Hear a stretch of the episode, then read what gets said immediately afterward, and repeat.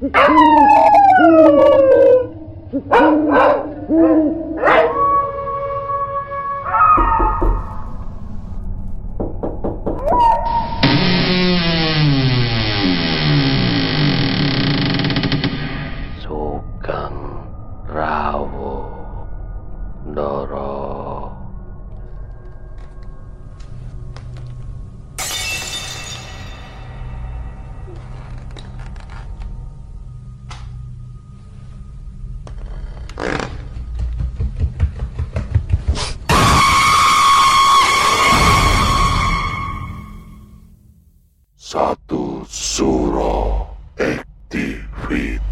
Assalamualaikum warahmatullahi wabarakatuh. Selamat malam. Rahayu, Rahayu, Rahayu. Para pendengar Satu Suro Activity Saya, Panembahan Dokter Mistik. Alas Purwo merupakan salah satu hutan purba yang sangat sakral dan wingit bagi masyarakat Jawa. Karena dipercaya di Alas Purwo ada sebuah kerajaan gaib yang luar biasa yang dihuni berbagai macam jin. Jika ada seseorang yang melakukan tindakan yang melanggar norma, maka biasanya orang yang melanggar tersebut akan mengalami sesuatu yang mengerikan. Seperti halnya kisah mistis menghilang di Alas Purwo dari Cahyo. Selamat mendengarkan.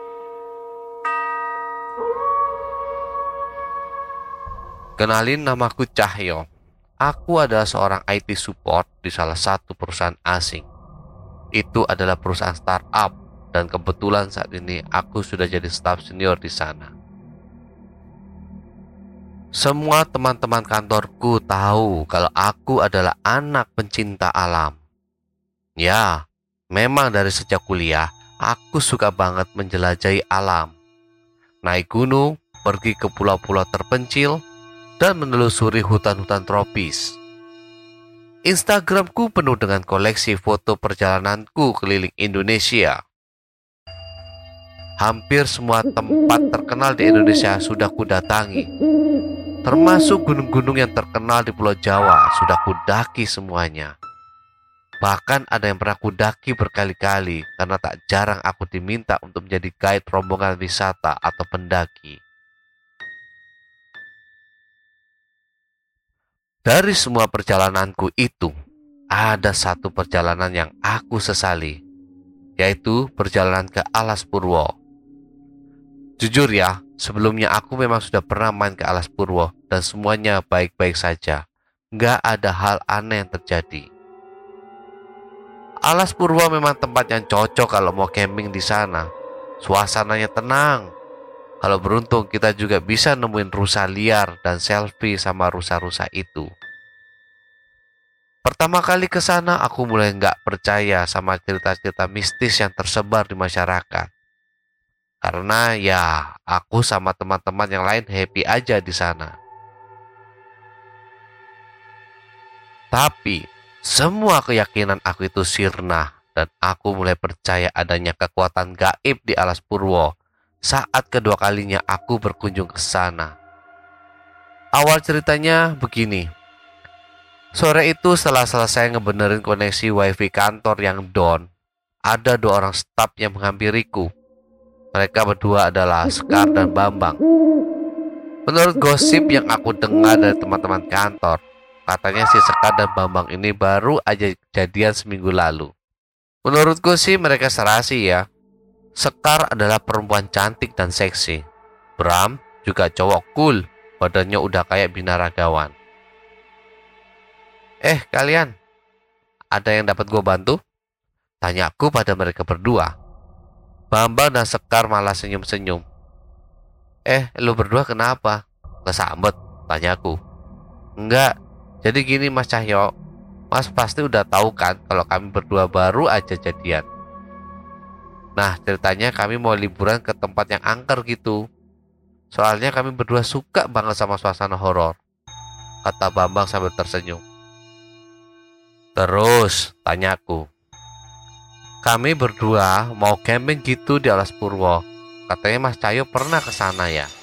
Tanya Bambang. Iya pernah sih, Tapi kayaknya gue sibuk banget nih. Aku udah tahu kalau mereka pasti memintaku untuk jadi guide-nya. Dan kebetulan saat itu aku lagi mager banget. Gini-gini Mas Ayo, kami cuma minta tiket saja ke sana untuk satu malam. Dan kami sudah siapin bayaran yang lumayan besar buat Mas Cahyo. 3 juta mau nggak? Kata Bambang. Dia langsung nembak harga gitu. Duh, kayaknya gua nggak bisa deh. Soalnya bener-bener lagi banyak kerjaan banget di rumah, kataku. Gimana kalau 4 juta, kata Sekar.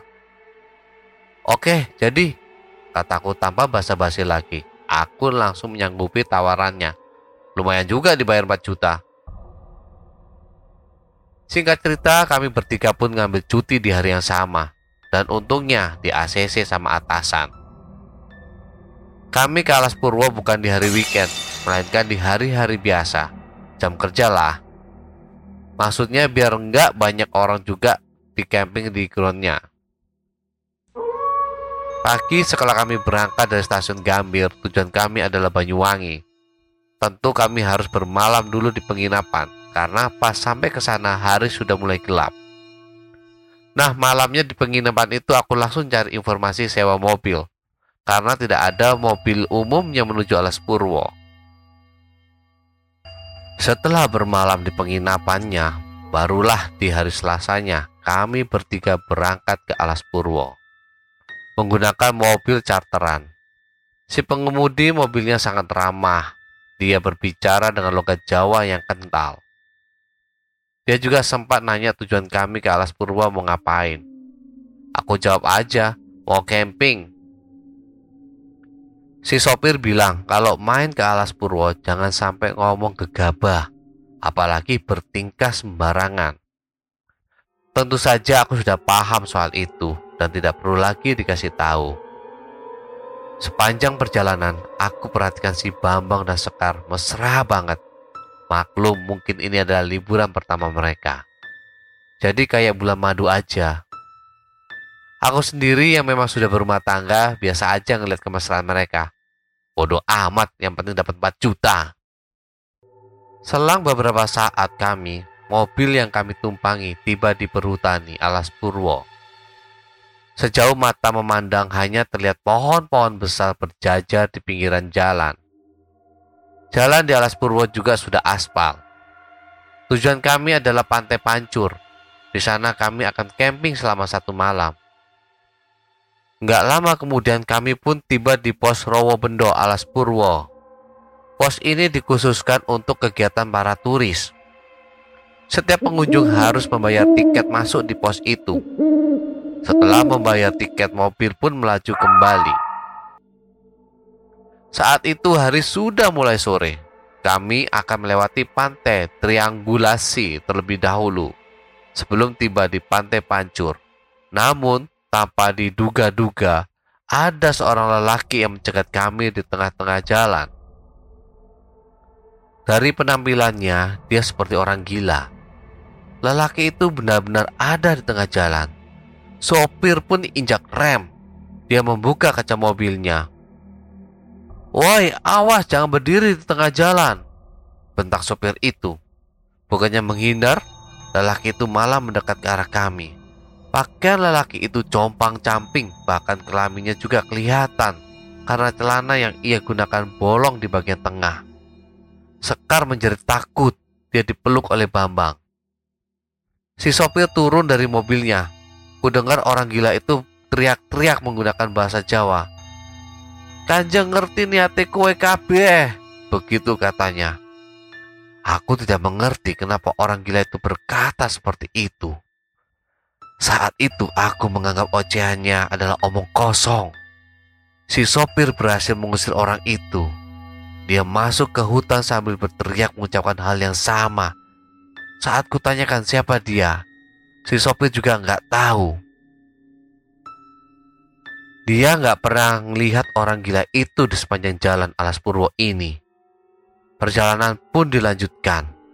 Setelah melewati pantai triangulasi, akhirnya kami tiba di pantai Pancur. Tadi di jalan kami sempat melihat ada beberapa orang berpakaian serba putih yang khas untuk ibadah umat Hindu. Mungkin saja mereka berasal dari Bali. Sebelum pantai triangulasi, memang ada pura luhur Giri Salaka yang dikeramatkan oleh orang-orang Hindu dan biasanya digunakan untuk upacara keagamaan. Kami pun turun dari mobil. Saat kami tiba di sana, matahari sudah mau tenggelam. Dari sana terlihat pantai pancur yang sedang memerah menyusul akan tenggelamnya matahari. Tanpa banyak basa-basi lagi, setelah membayar sewa mobil, Bambang dan Sekar langsung berlarian menuruni anak tangga yang kebetulan pantainya ada di berada di bawah. Mereka berdua layaknya pasangan suami istri yang baru saja menikah.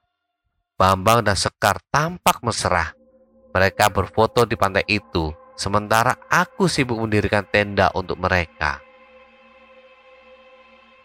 Kami bawa dua tenda, satu tenda yang ukurannya besar untuk mereka berdua, sedangkan yang satunya lagi berukuran kecil buat aku sendiri.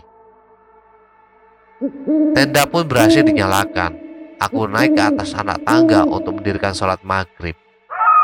Kebetulan di atas sana ada sebuah musola.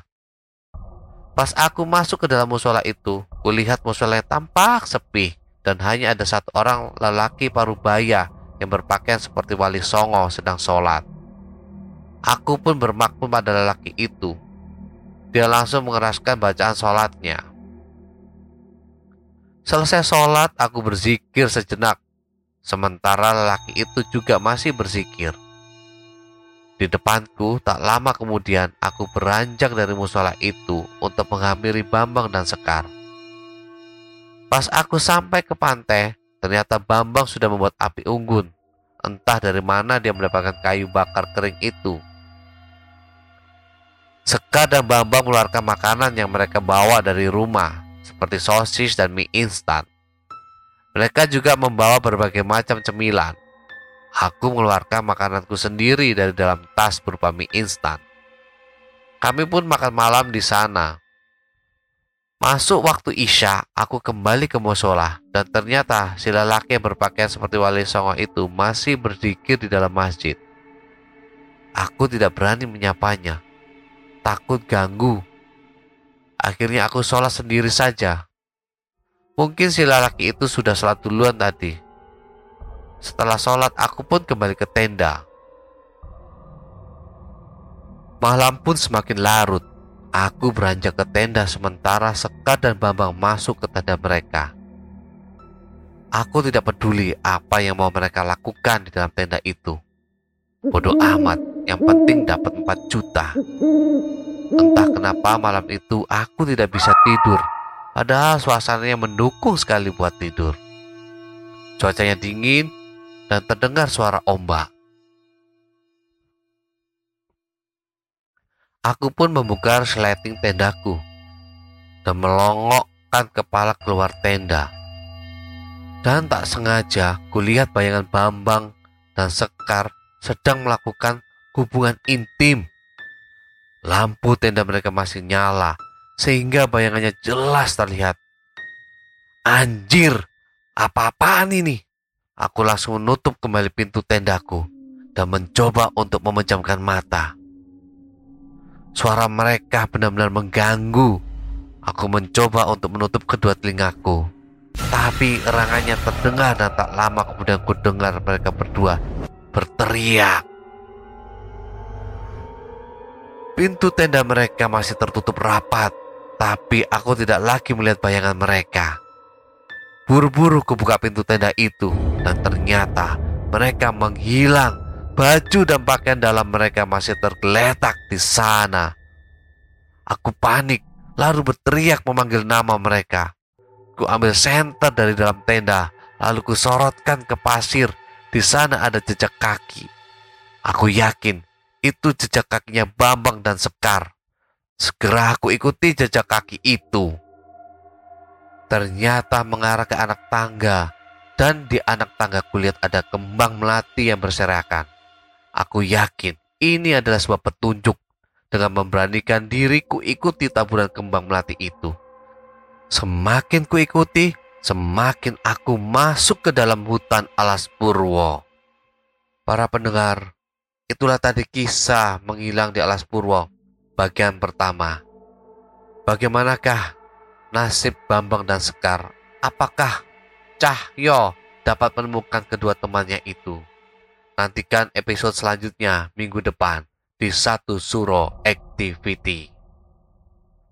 Para sahabat Satu Suro Activity, tinggalkan catatan doa kalian di kolom komentar like, subscribe, dan bunyikan lonceng keramatnya.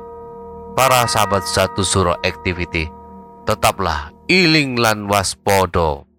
Assalamualaikum warahmatullahi wabarakatuh. Salam, salam, salam. Rahayu, rahayu, rahayu.